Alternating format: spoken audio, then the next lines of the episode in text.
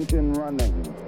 Liftoff. We have a liftoff. Välkommen till Holistikpodden med Anna och Nicky och Emma. Podden som handlar om delarna som utgör helheten. Exakt. Eh, idag har vi äntligen lite förstärkning här i podden. Och jäklar, inte lite förstärkning heller. Utan Emma. Emmas styrka.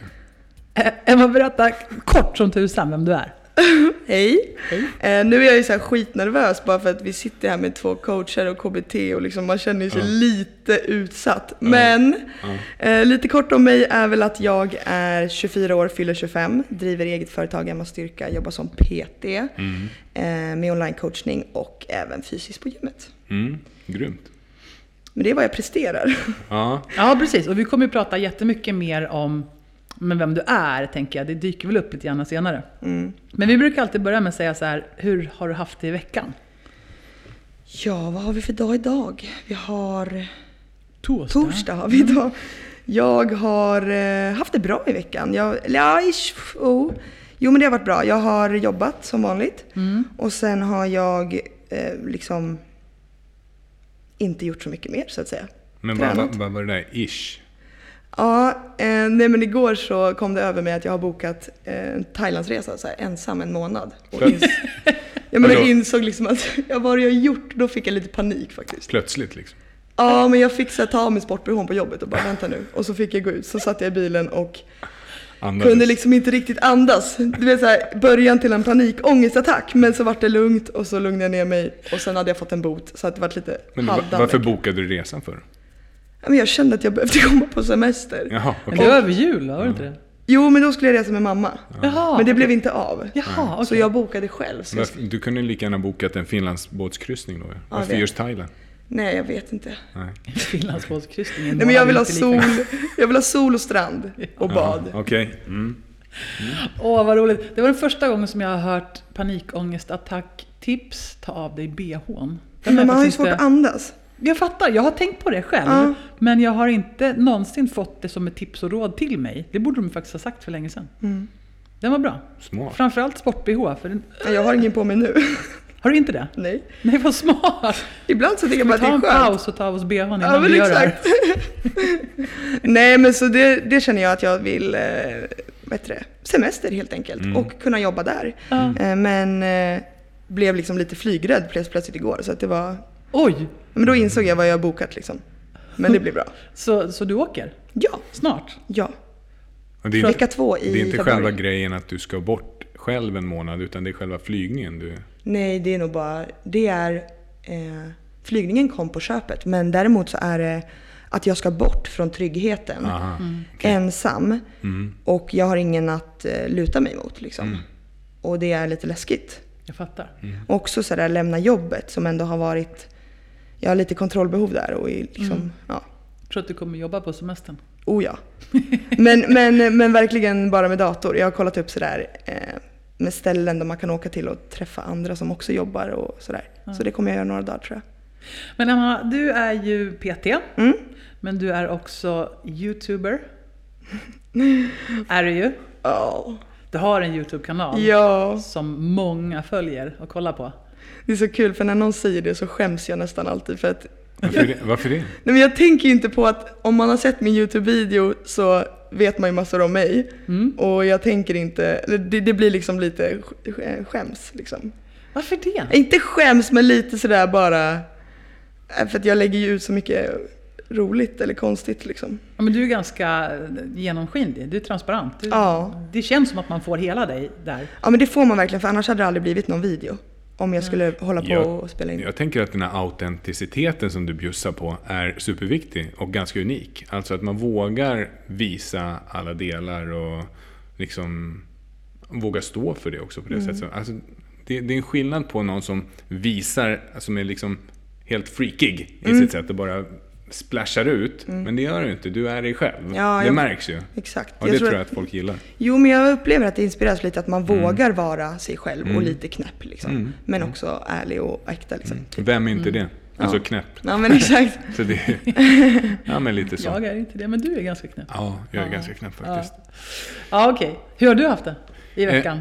Ja, jag har haft eh, en... Eh, jag skulle säga så här, det är lite berg och dalbana. Har det varit ish? Nej, men det är inte ish. Det har varit mycket.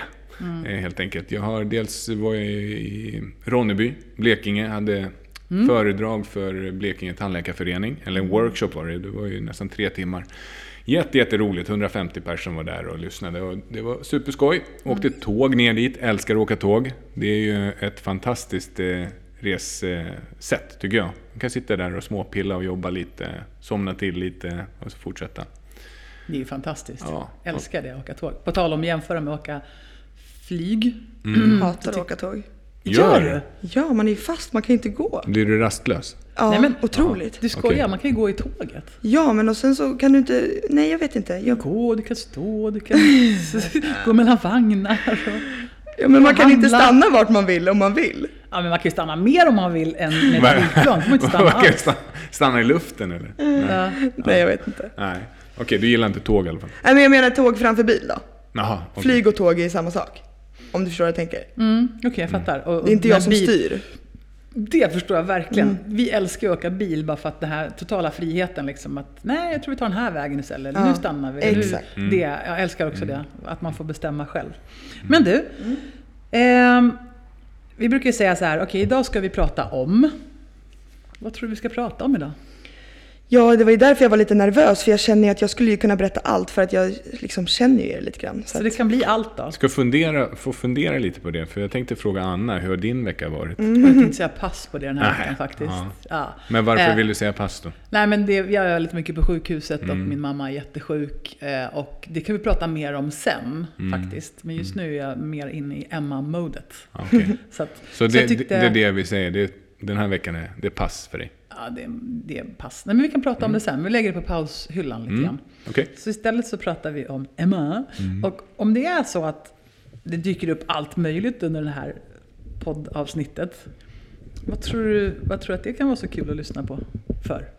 ja, det är det jag blir lite osäker på. Vad är faktiskt intressant att lyssna på? Jag skulle Ja. ju... Allt. Ja, okej. Ja. Vad skulle du tycka var spännande då? Att lyssna på om det var någon som du så här, blev- var intresserad av och såg upp till? Nej, men jag skulle nog vara intresserad av hur man har tagit sig framåt dit man har tagit sig och också liksom lite grann om det har varit en krokig väg, hur man har hanterat den. Alltså lite så bara. Om, om det är så att vi ska prata om hur jag har tagit mig framåt. Eh, Men man kan ju spåna in sig på att prata om träning och man kan prata om kost. Och man, så att jag är lite Ja, det sådär- finns mycket Jag är att gröta in i. superintresserad av hur du har tagit dig dit där du är nu. Ja, Faktiskt. Alltså inte rent bara professionellt, utan som människa. Ja. Jag har ju haft eh, fördelen av att ha träffat dig när du varit yngre också. Mm. Eh, I olika sammanhang. Och det har ju Anna också. Eh, av olika Mm. anledningar. Vi har sprungit på varandra. Ja, och då är det ju jättekul att se, eftersom vi är några år äldre än vad du är. Och se och få folk att få det där, känna det där hoppet som ändå finns i livet. Att även om man har haft en brokig väg så kan det lösa sig väldigt, väldigt bra ändå. Mm. Men jag funkar ju så här nu att jag är redo att öppna mig liksom och berätta. Mm. Men däremot så blir jag lite... Jag blir ju så känslosam när jag pratar om det. Så jag, ni får vara redo på det i så fall. Men Okej. jag berättar vad ni vill. Så alla poddlyssnare, ta fram eh, era näsdukar. Nej, inte dem utan jag. Springa och hämta näsdukar till Elma. Ja. Nej då. Är det något särskilt som du så här, eh, finns det något som du inte vill prata om? Det finns det inte. Jag kan berätta vad som helst. Finns det något som du tycker är ganska ointressant att prata om? Eller less på att prata om? Nej. Okej, är det någonting som du helst inte orkar prata om en gång till när det kommer till kost och träning och fitness? Ja, om, eh, om, det, hur, om det var svårt att dieta och om pasta är farligt. Typ. Så jävla det. Förlåt att jag svär. Okej, då, ställer Okej. vi, då ställer vi inga... Då kommer vi, jag lovar dig eh, och alla lyssnare, då ska vi inte ställa sådana frågor till. Nej. Nej? Bra. Okej, Gud vad coolt. schysst. Ja, men eller hur? Det Men, men då tycker jag ointressant. att vi kör igång. Ja, verkligen. Ja. Visst gör vi? Ja. Eh, så nu jädrar. Nu vill vi höra lite mer. Eh, vem är du? Jag är en väldigt snäll person som vill min omgivning väl, alltid. Ehm, Jag är ganska prestationslös och har alltid lagt ribban från att prestera till att jag alltid gör mitt bästa. Eh, Så har det inte alltid varit, men nu är det så. Och jag försöker fokusera på att vara lite lättsam och snäll och trevlig så gott jag kan istället för att liksom hävda mig och ha en fasad. Utan, Mm. och så här. Men lite work hard in silence. Det är liksom, Mm. jag jobbar på. Typ så. Du har ju ett företag som heter Emmas Styrka. Ja, Hur har det kommit till och vad gör du i det företaget? ja, så här sjukt hur det har kommit till. För det kom ju till när jag var tre veckor ut från min första fitnesstävling. Jaha, Ja, När var det då? det var i mars. i mars 2019, då, vadå, så när du, när du hade, nej innan du skulle tävla, tre veckor ut, det betyder tre veckor innan va? Tre veckor innan tävling. Mm. Och då tänkte du, nej nu är det perfekta stunden att starta ett företag. Ja, men jag jobbade ju som, eh, som platschef eller platsansvarig eller vad man ska säga på Ramotion här i Knivsta. Mm. Och då jobbade jag ju som PT och allt det här och vi visste väl nästan ganska tidigt, alltså både allihopa, att jag kommer någon dag liksom köra eget. Ehm, så kom man till den punkten eh, där man liksom jobbar för mycket hela tiden. Där jag insåg att jag måste jobba för mig själv. Mm. Jag kan inte komma framåt mer utan jag måste hoppa liksom. Mm, just det, ta steget. Ja. Just det. Men mm, hur mår man när man är tre veckor ut från en eh, tävling? En sån tävling? Man kan inte ligga på sidan för att knäna, skålarna går ihop. Va? Aj! Eh, Man kan inte sova utan kläder för man fryser så mycket. Man vaknar, kan vakna på natten för att man är så hungrig och kroppen är redo att gå upp och jaga. Man eh, har inget humör och man är väldigt känslig. Wow. Men man måste göra det man gör ändå. Mm. Det tror jag inte alla vet. Nej.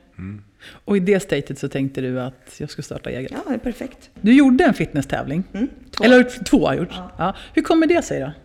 Är det, liksom, är det någon dröm du har haft? Vad var drivkraften bakom det? Liksom? Varför? Jättekonstigt nu Jaha. när du säger det. Jag Ja. vet inte. Men jag har alltid drivs av träning och jag älskar ju kroppsbyggning. Mm. Så, så det var ju någonting jag ville göra bara. Vad är det med kroppsbyggning som du älskar? Jag tycker det är coolt att man alltid kan få jobba på sig själv på något vis. Mhm. Jag kan alltid styra mig själv med Mm. den. Eh, Forma, bygga, liksom. Jag älskar styrketräning. Mm. Och det, Men det gör ju inte alla. nej. Hur kommer det sig då? Vad är det du älskar med styrketräning?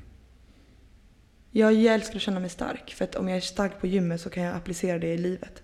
Mhm. Och det blir man när man styrketränar. Ja, för mig har det varit så. Jag har verkligen liksom, från att jag bara började pressa en stång över huvudet och kände jag liksom att jag kunde dra bak axlarna och vara en liksom bättre självförtroende när jag kom till jobbet och de var, inte vet jag. Så du menar att det har hjälpt dig att få en bättre självkänsla och bättre självförtroende? Absolut. Okej, vad Så det var häftigt. där det började. Ja. Är det någonting du skulle rekommendera andra liksom, i din situation? Eller kvinnor till exempel? Att Göra? Alla.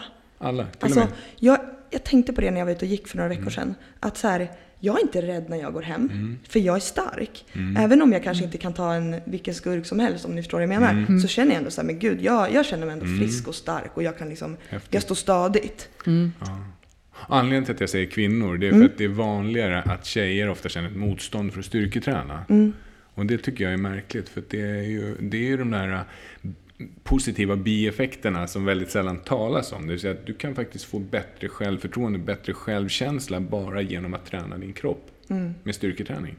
Det blir ju en parallell. Liksom. Blir Mm. du stark i kroppen så smittar det av sig liksom, till själen. Mm. Och, ja. Ja, och då blev det ju någonting mer än bara att jag kanske ville gå till gymmet för att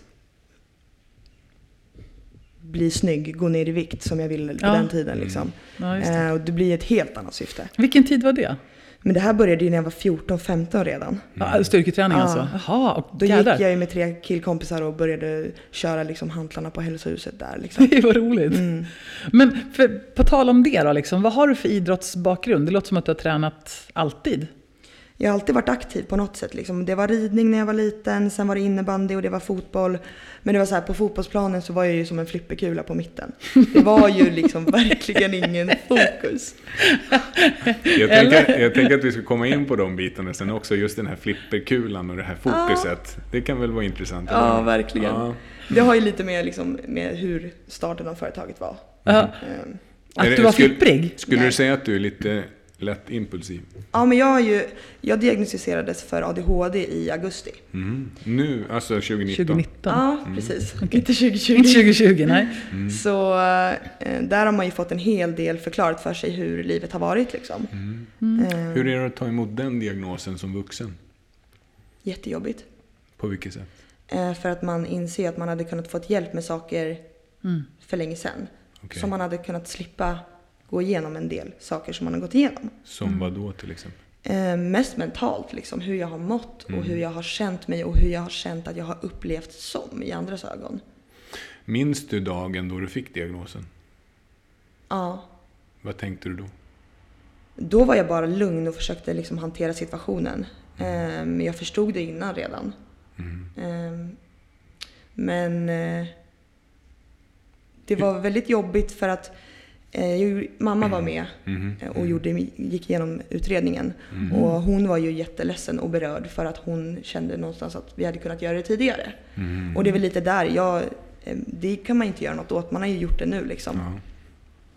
Och det är ju bara skönt att få reda på saker. Mm. Men det är ju en väldigt skön förklaring att man vet typ hur man har kanske varit Mm. i uppväxten och så. När började du fundera på det där då? Har du, har du lurat på det länge? Men jag har alltid förstått att jag har eh, någon sorts av dragning åt det hållet i alla fall. Mm. Eh, men eh, jag har ju alltid varit anti, liksom, både antidepressiva, mediciner eh, etc. Och, och medicinerat mig själv med träning. Ah, Eh, så okej. det har varit min ventil. För, Men alltid säger du? Alltså, hur tidigt kan du minnas att du har tänkt att det är någonting? men säg typ så här när jag var 15 då. Mm, Okej, högstadiet då, alltså? Ja, men eh, 15-16 där, början på gymnasiet liksom. Mm. Då var det mycket jobbigt eh, mentalt, liksom, psykisk ohälsa kan man säga. Mm. Och då började jag väl få liksom, antidepp utskrivna som jag aldrig tog och så där. Mm. Och då eh, så har jag medicinerat med träning om man kan säga så. Ja, För att ta Många, mig framåt. många som hamnar där i ungdomen självmedicinerar ju i princip med alkohol och festande. Exakt. Ja, hur var det för dig i din, din ungdom? Jag festade lite grann men jag insåg väl att det inte var så roligt. Vadå? Jag gillar- Funkade inte det för dig? Liksom?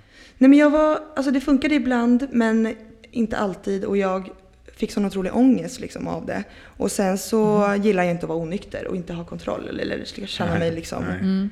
Eh, Men jag var faktiskt på, när jag var hos läkaren på ADHD, alltså ja, så var det så här stress, eh, alkohol och droger, Mm. eh, träning, mat, sex, jag kommer inte ihåg. Det var några sådana saker som, Mm.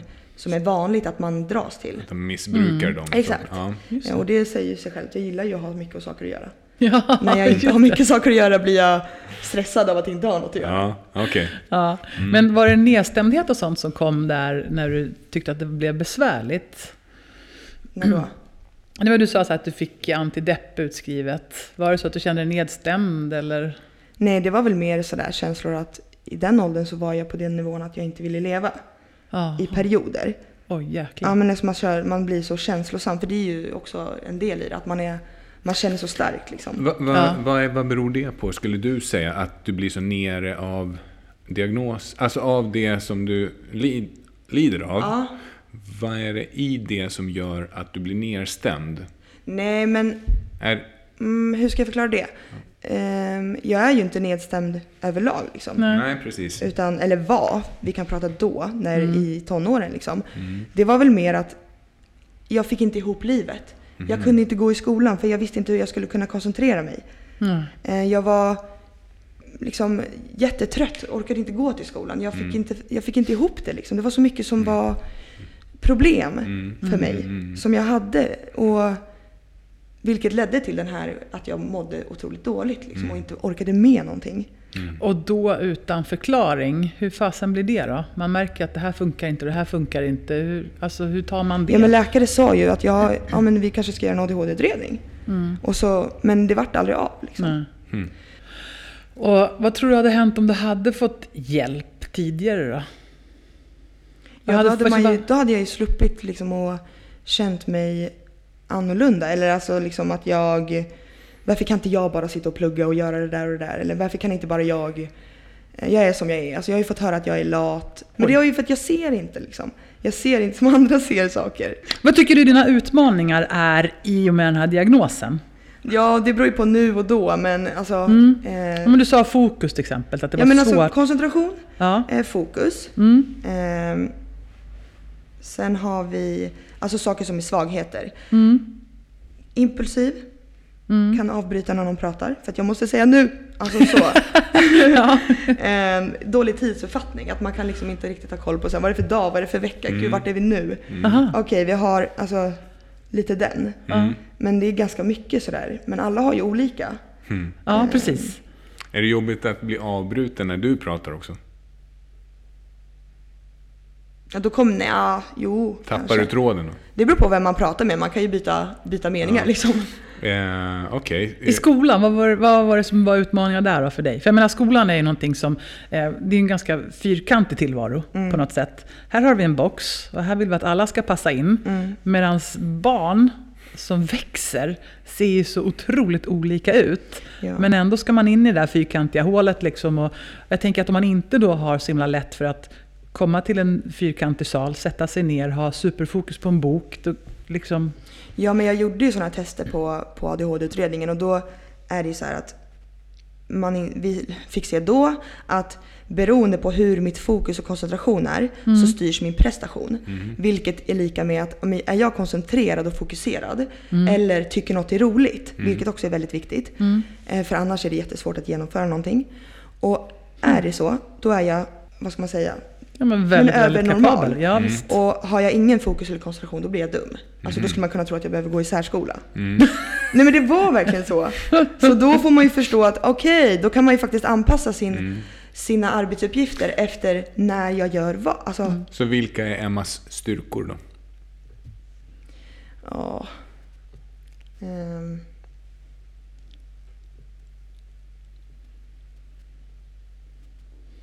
Att jag... Jag gör allting till 110% och jag gör inte det halvdant. Och tar jag mig an någon så gör jag det helhjärtat och inte bara för att jag ska tjäna pengar. Är det en effekt av den du är? Ja, det tror jag. Grymt. Ja, För jag tänkte också, eh, om vi går så här, hopp fram till nutid. Eh, och om vi går till mig som betraktare av dig utifrån. Nu följer, jag, jag har inte kollat på alla dina videofilmer och det har ju en orsak. Det är att du trycker ju ur dig väldigt mycket material. Alltså det är inte lite du får gjort varje vecka. Nej. Om man följer dig på Instagram till exempel, då kan man ju lite grann så här tänka att det är helt otroligt vad du jobbar. Och producerar och berör. Och du lägger ju liksom ut stories och du får ut videofilmer. Hur många videofilmer, eller hur många YouTube-filmer får du? Jag har haft eh, så här varje söndag liksom. Men eh, sen har det alltid blivit två, oftast i veckan. Grymt. Men jag fokuserar ju på att, att skapa och vara kreativ, vilket är min styrka. Att vara kreativ och skapa och hitta lösningar etc. Men, Är det roligt? Ja, sjukt kul. Och där har du liksom ett tydligt eh, syfte och mening med det. Ja, Och då är det inga problem. nej, eh, precis. Men jag hänger ju dessutom däremot, för att, eh, jag hänger däremot inte så mycket på YouTube eller Instagram själv, även om man kan tro det. Man kan få lite ångest, så jag har lagt ut typ 30 stories, man bara shit kan jag lugna mig liksom. Ja, men tillbaks då. Liksom, du producerar ju väldigt, väldigt mycket. Ja, Och det är inga som helst svårigheter för dig, utan tvärtom. Liksom, det, det kommer utav sig själv. ja det kommer utav sig själv men det har ju varit en lång väg. Alltså det är ju inte så att tekniken alltid är med en liksom. Nej, för jag menar, du har ju Det- då fått bli, du har ju lärt dig då att filma, vad du ska ha för material och sen så har du fått lära dig att klippa och sen så hitta och sen så är det, det är otroligt mycket teknik till att börja med. Ja men mina första videos så kunde jag, alltså jag kommer ihåg en video satt jag till sju på morgonen. Men du satt ändå kvar. Hela natten för den skulle bli klar. Så det är, Den skulle ju vara ute på söndagen. Ja, Du där har har du fokuset. du har ju uppenbarligen inga problem att lära dig nya saker. Nej, Nej. precis. Så att, eh, jag tänker så här, att många som har någon form av neuropsykiatrisk diagnos kanske slår på sig själva och tror om sig själva att de, de har inga, de kan inte lära sig nya saker och det är något fel. Men du motbevisar det där, vilket jag har sett hos andra också, att det sitter inget fel i inlärningen. Det, det är inget intelligensproblem eller Nej. någonting sånt, utan tvärtom. Det är därför det är därför jag frågar vilka är Emmas styrkor. För att du har ju verkligen gjort någonting e- exceptionellt på kort tid. Men man kan ju se att du har jobbat med dig själv under ganska lång tid för att nå dit du är nu. Så om du inte hade genomgått det du, de utmaningar som Anna pratade om tidigare. Om du inte hade varit med om dem, tror du att du hade varit där du är nu då? Absolut inte. Man lär ju sig liksom eh, hela tiden hur man ska hantera nästa grej ifall man råkar på något problem. Så man liksom löser hela tiden det och ehm, jag tycker verkligen att man ska inte skylla på en diagnos. Nej. Ehm, man, men man ska heller inte förminska den som många gör. Det är ju många som bara, men det är inte värsta grejen. Och det är inte värsta grejen. Däremot är det en väldigt bra verktygslåda för mig att kunna lära mig mycket effektivare och vända det till styrkor. Liksom. Jag tror att det är verkligen mycket bättre. Jag är ju hellre i den här sitsen än att vara en normal person som inte har en aning om sånt. Att det ens funkar. Att man kanske inte ens har tagit reda på sånt eller lärt sig om hjärnan. Liksom. Nej. Ja, sant. Hörru, om, om du hade varit en eh, förälder, Ja. Vilket tips skulle du velat ha då från en sån som du? Kring, om vi tar ADHD-biten, vad skulle, vilket tips skulle du kunna ge till föräldrar som har en ungdom med ADHD-problematik eller liknande? Oj, vad svårt. Visa att ni står där, att ni ser era barn. Liksom. Och att det inte är en, något fel på en. Och liksom, vad ska man säga?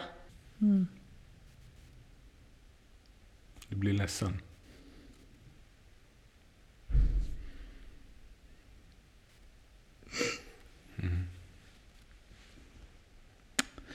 Där måste ju vara så jädra jobbigt. Du sa att det inte är något fel på en.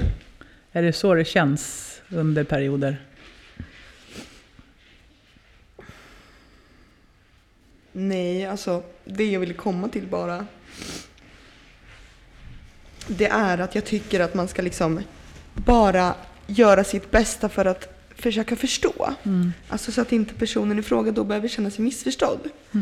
Och inte bara nudda på ytan utan faktiskt, det är en sak att säga någonting men att, att agera är ju en annan sak. Mm. Och liksom bara bevi- alltså visa att man, att man kanske inte förstår om man inte förstår. Nej. Men att man kan göra sitt bästa för att försöka förstå. Liksom. Eh, Det är inte så komplicerat som man kan tro i så fall. Det kan nästan bli värre om man inte vet.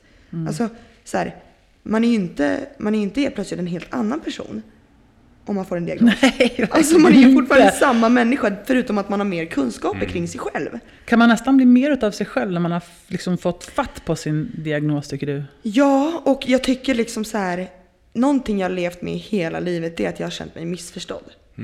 Och att jag har känt mig dum och liksom ibland att man bara, "Ah, ja Och så kör man på liksom. Ehm, och att jag tycker att det är viktigt att man ska få, bara om man är förälder till ett barn som har ADHD. Lär dig kommunicera med han eller hon och på hennes eller hans sätt. Så på samma sätt som jag måste lära mig kommunicera på min omgivnings sätt. Jag har hela livet fått träna på att prata. Jag är inte dålig på att kommunicera. Jag är bra på att kommunicera. Det kan vara det som är problemet ibland. Att jag pratar för...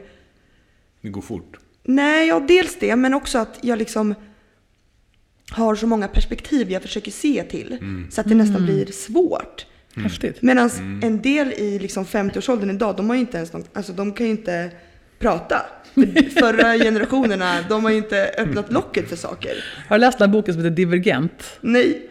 Den är ganska häftig. Man delar upp folk så här i, eh, det här är de ärliga, det här är de modiga, det här är de rättrådiga. Och så finns det vissa som är divergenta, de har alla samtidigt och då är de livsfarliga. De Läs den. den är bra. Nej men så det tycker jag är viktigt. Och att liksom ehm, man glömmer mycket. Man kanske inte hör allt. Till exempel som jag upplevde när jag tänker tillbaka då till exempel när jag var liten. Jag, kun, jag kommer aldrig ihåg att jag hörde aldrig så här, plocka ur diskmaskinen. För jag, det var något annat jag gjorde då. Eller att jag liksom det var något som störde när personen kanske pratade om något viktigt så jag inte kunde komma ihåg hela Alltså jag kunde inte hålla fokuset på samma sak vilket gör att man kan upplevas disträ. Men lär man sig hantera det som jag gör idag, då är det inte svårt. Okej, hur Jo, hanterar du det ja, nu då? Liksom, för Ja. att, Nej men nu kan jag ju liksom lära mig koncentrera mig och hålla fokus på samma sak. Men visste jag inte om det vet jag ju inte varför mitt fokus hoppar så mycket. Mm, just det. Ja, Jaha, okej, jag fattar. Så medvetenheten gör att du kan liksom Ja. välja att eh, Ja, vilket vara... blir jätteviktigt också då att vara med människor som jag inte behöver ha ett filter kring. Mm. Till exempel någon som vet om det, eller så här, behöver inte veta just diagnosen, men så här att, att jag bara kan säga så här, men du, vänta jag måste bara göra klart det här och sen kan jag lyssna. Ah.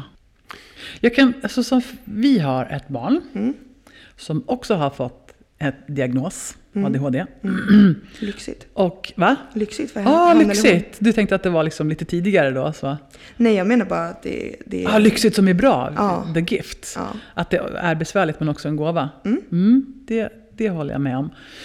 Men då kan jag ju komma ut här som förälder Mm. och säga att det är ju inte lätt. Nej, jag förstår. Heller. Ehm, därför att under en lång period så har man ju, som, man har ju sett, det är någonting. Helt klart är det någonting.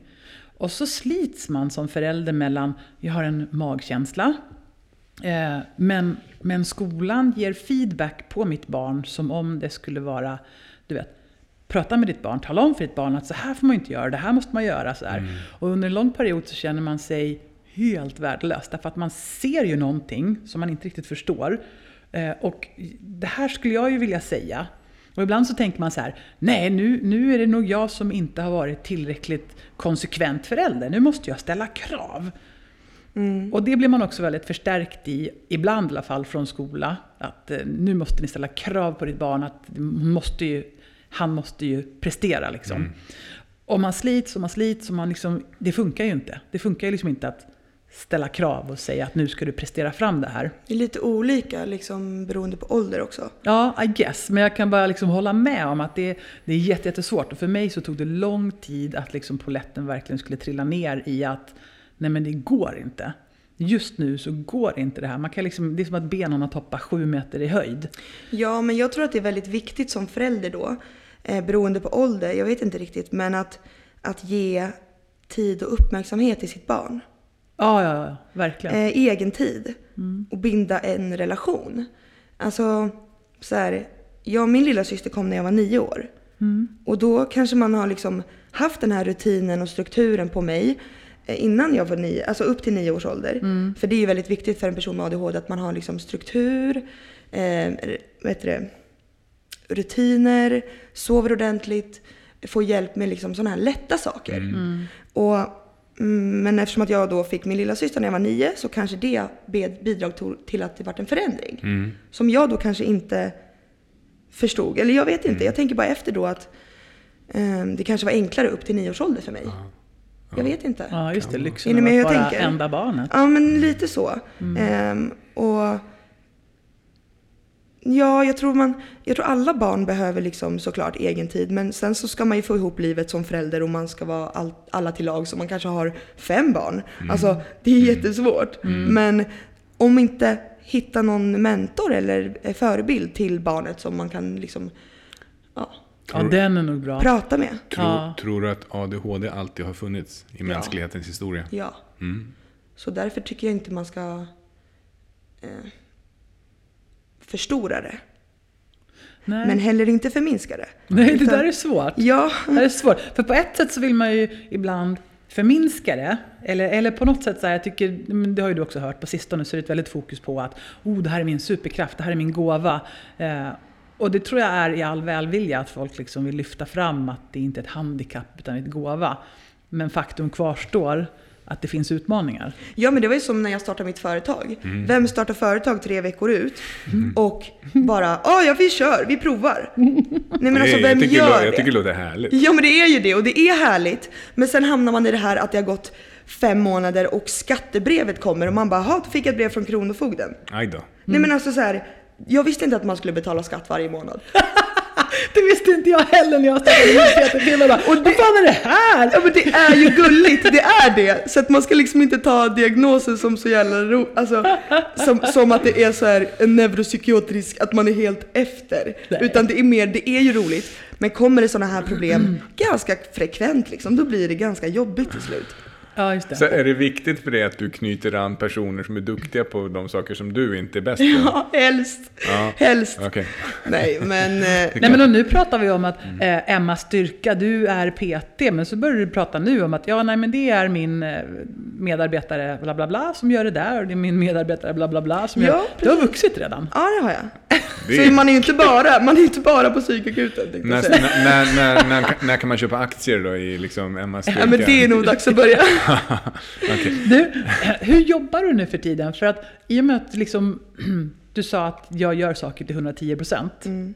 Och det, det kan man också lite grann se så här utifrån att du jobbar ju en hel del. Du är typ överallt. Mm, jag jobbar eh, några dagar i Uppsala i veckan och några dagar i Stockholm. Mm.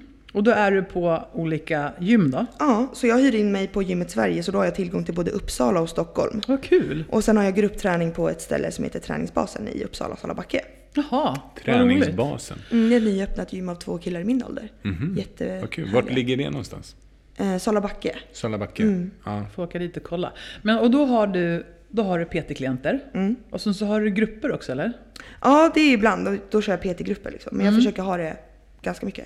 Och sen så kör du dessutom PT online. Yes. Eller? Ja, Ja, just det. Så det blir en hel... Alltså du, är inte bara, du står inte bara på ett gym. nej. Utan du sitter och knackar dator en stund. Ja, så därför blir det lite svårt för mig då med min koncentration och med mitt fokus att få ihop alla delar för jag är jättekoncentrerad på morgonen och sent på kvällen när alla sover.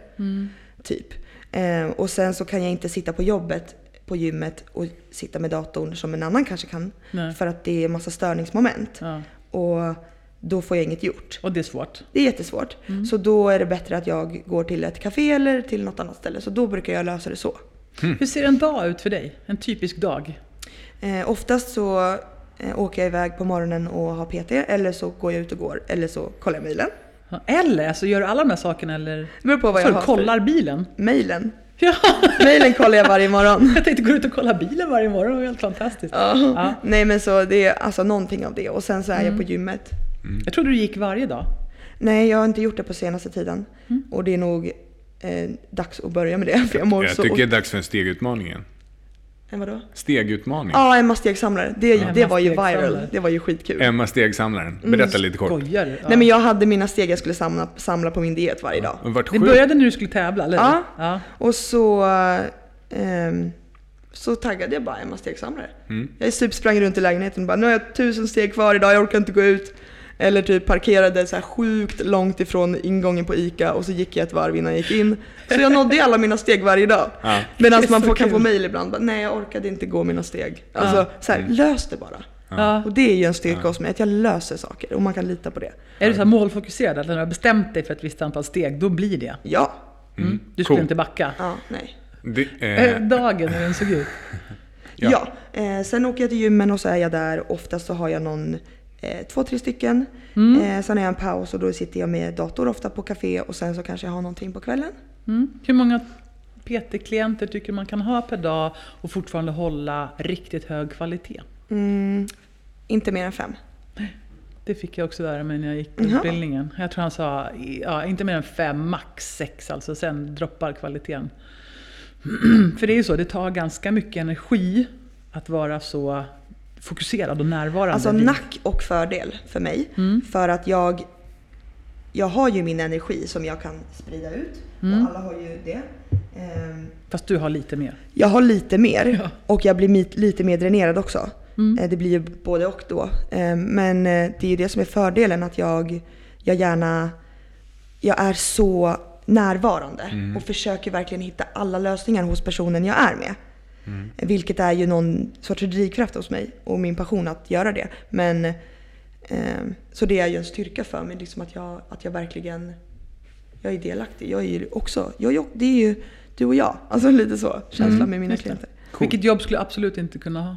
Eh, Eller vilja, jag skulle aldrig säga. kunna ha eh, något jobb där man eh, mm, liksom ytligt sett ser så sjukt bra ut. Och du vet så här, ska, inte yt, att jag ska vara snygg utan mer så här att eh, men att det är, alltså jag, jag är lite anti det här med hög status och mycket pengar och att det ska vara Så att jag skulle inte vilja sitta på någon sån här hög, eh, jag vet inte, position. Någonstans där man tjänar nej. mega mycket pengar och har en viss status då? Nej men när jag är i sådana här sammanhang där folk frågar vad de jobbar med och ska hävda sig och vara bäst, liksom, Ah, då, kan okej. jag, då har jag jättelust att bara Nej men jag jobbar på, på macken liksom, med och, och säljer korv eller, alltså, för det har jag ju gjort och tycker det är kul. Alltså, Ja. Så att jag blir så här lite anti. Just det, du jobbade ju på Statoil. Mm. Det finns så många jobb som inte har särskilt hög status som är jätteroliga. Ja! Jag har haft ett antal. Jag Ja. tycker just det här, jag skulle kunna göra det igen alltså. Det är superkul. Du återkommer ju gärna till dina restaurangjobb där du fick putsa fönster och torka spyor och grejer. Tyckte ändå att det var kul. Verkligen. Ja, det, var, jag- det var en av de roligaste jobben jag har haft faktiskt, helt ärligt. Men också jobba i butik har varit... Ja men samma här. Ja, precis. Jag precis. plockar tampong i provrummet. Hemmas problem alltså. Ja. Ja men det har jag gjort alltså, det är sjukt. Nej, så jag tycker alla sådana jobb eh, Alltså jag skulle, jag skulle kunna jobba med vad som helst och tycka det är kul om jag har en bra arbetsplats. Ja, men antar det jag menade var så här, finns det något jobb som du känner så här, det här är så eh, tråkigt så jag skulle smälla av? Jag skulle aldrig kunna sitta ner och jobba. Alltså sitta på ett kontor. Det är ju lite den mentaliteten jag hade innan jag eh, startade mitt företag. Alltså sådär. Men man får prova sig fram. Jag provar att jobba på kontor. Okej, nej men det funkar inte. Jag ska inte sitta still och jobba. Nej, men då får jag prova att jobba på Circle K. Eller ja, men då börjar jag med träning. Liksom. Det är inget konstigt. Istället för att vara kvar på ett jobb år efter år för att leta efter rätta jobbet. Prova så kan du i alla fall stryka det från listan som du inte gillar. Kan du tänka dig att vara anställd igen? Nu när du vet liksom hur det är att vara egen. Ja, det, jag tror det. Så det var innan jag varit egen som jag insåg att det, var så här, det är jobbigt att vara egen. Ja, just det. Jag kan absolut tänka mig att vara anställd. Ja, vad skönt. Ingen fara. Jag minns när jag blev anställd, eh, vilken chock det var. Det här kan låta helt knäppt kanske, men, men första gången som någon sa så här, ja, här är ditt stämpelkort och du ska komma då och så ska du gå klockan då och vi har bestämt att du får fem veckors semester att ta de här veckorna. Och det var liksom, jag var 19 år då och det var som så här, du vet, världen öppnade sig bara, är det så här det går till? Jag klarar inte det. Jag, jag kan inte ta det Men jag skulle nog behöva det. Alltså det var ju, det var Ah, ju spännande. tydligt med mina, med mina symptom. Liksom, att de kom ju mer när jag var helt egen. Jag var helt ensam.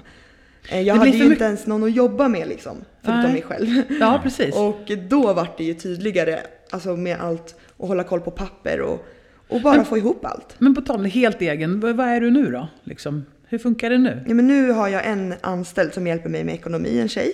Okej. Eh, och sen har jag ju en red- redovisningstjej. Som, eller Mhm. Också? tjej. Ja. Så ehm, jag har både hjälp med ekonomi och liksom mail och sånt som jag inte måste svara på. Mm. Typ, ja men hålla koll på, det är ju så mycket mer bakom ett företag än att boka in PT-timmar och svara mina återkopplingar. Det är ju... Kanske inte alla ser alltid. Nej, så det eh, hjälper hon med. Eh, Allt ifrån boka direkt till att liksom få igång allt. Framförallt när man säljer tjänster, som ju vi alla tre gör, Mm. så inser man att det där när man, när man själv tycker att man jobbar, det är när man har en klient. Liksom, det är ju jobbet. Och Ja, sen allt det. det här som är runt omkring, som man tänker att det gör jag sen. Det är ju det som folk normalt sett jobbar med Mm, exakt. och får lön Det är för. helt sjukt. Det är helt sjukt när du säger det nu. Och, och då Det blir det så så här, kul. om jag då Ja. jobbar 40 timmar med klienter, jaha, men sen ska jag göra det där andra jobbet som andra gör. Som är typ tre tjänster. Ja, för ja, mig i alla fall. Exakt. Verkligen. Ja, men jag, det, där var, det där slog mig också tidigt. Att Ja. Det var så här, men jag har ledigt på måndagar. Ja, vad gjorde du när du var ledig då? Ja, men då satt jag med alla papperna liksom, från åtta till åtta. Ja. Och, och det tog ju lång tid att fatta att nej, men du har jobbat, du har inte varit ledig bara för att du inte har haft kunder och klienter. Liksom, utan, Samma för mig, nyårs, ny, eller juldagen, eller nej det var nyårsdagen, Mm. så var det så här första dagen jag inte hade någon klient. Men då satt man ju med datorn och så blir det liksom. Mm, för då man, tänker man, då kan man kan vara ledig. Och då, tänk, då, då för det in mig på mina nästa frågor som jag har. För vi, vi det är ju Form Holistic. Vi, driver den här, vi har något som vi kallar för holistiskt ledarskap. Den består egentligen av tre delar. Vår fysiologi, våra relationer och sociala sammanhang och eh, våra psykologiska strate, strategier. Och inom den fysiologiska biten så har vi vår träning, vår kost och näring och sen har vi återhämtning och sömn. Om man tar de delarna och ser till på vilket sätt påverkar det dig? Hur får du, hur får du optimal återhämtning till exempel? Då, nu pratar du att du jobbade på nyårsdagen. Det är ju inte återhämtning. Nej jag vet, men, Nej. men eh, för mig är det väldigt viktigt att jag får min sömn, Okej. mina steg, fast egentligen bara att jag går ut på en promenad för att jag behöver vila. Det var ju det jag fick reda på. Jag gick... Eh, ja, eh, vila för mig i min rastlöshet är att jag går ut och går. Mm. Ehm, Fick du lära dig det? Nej, men jag, hade Eller- en, jag gick hos en eh, coach i somras. Mm. Och så sa hon, men Emma du måste inte sitta och kolla på film och ligga och kolla på serier som folk gör. Nej. Ehm, och vi, hade, vi diskuterade det och då var kom vi bara fram till att ja, men så här, vila för mig är ju faktiskt att gå ut och gå. Är det bättre vila än att ligga still och glo på serier? Ja, jag får ju panik om jag liksom, speciellt om jag är själv. Om jag är med någon så är det ju kanske annorlunda. Men då börjar man fixa med något och så ska man dona och så ska man... Och så helt plötsligt står man, står man och liksom bara rensar någon låda liksom. Hur, Åh, vik- jag kan känna igen mig. hur, hur viktig är sömnen för dig om man tar din diagnos igen då? då? Otroligt viktig. Ja, vad händer om du inte sover? Ja, det är, jag tror att, jag vet inte. Det, det är lite det här också som vi kommer in på, eh, eller som vi kom in på. Att man har ju bara varit med sin egen hjärna hela livet, så jag vet ju inte hur det är an, för andra liksom. Men ja, för mig blir jag bara sjukt ännu, jag får svårare med koncentration. Det blir ännu flipprigare? Ja, Okej. exakt. Och när det kommer till kost och näring då, utan att gå in på dieter, påverkar hur du äter dig som person? Ja, jag, ja, precis. Alltså, jag måste ju verkligen äta hälsosam mat. Mm. Precis som alla behöver. Och vad händer om du inte gör det? Nej, mitt blodsocker går upp och ner jag, är ingen, jag liksom, det blir trött, seg, orkar inte med att träna för det är inget kul. Nej. Ehm, och, alltså, nej, det, jag mår inget bra om jag äter bara för mycket skräp. Och så den sista delen då, fysisk aktivitet. Hur viktigt är det för dig som person med, med det bihanget med ADHD-biten? Jätteviktigt. Det är ju så jag egentligen har medicinerat mig hela livet så det är ju därför jag eh, håller i det.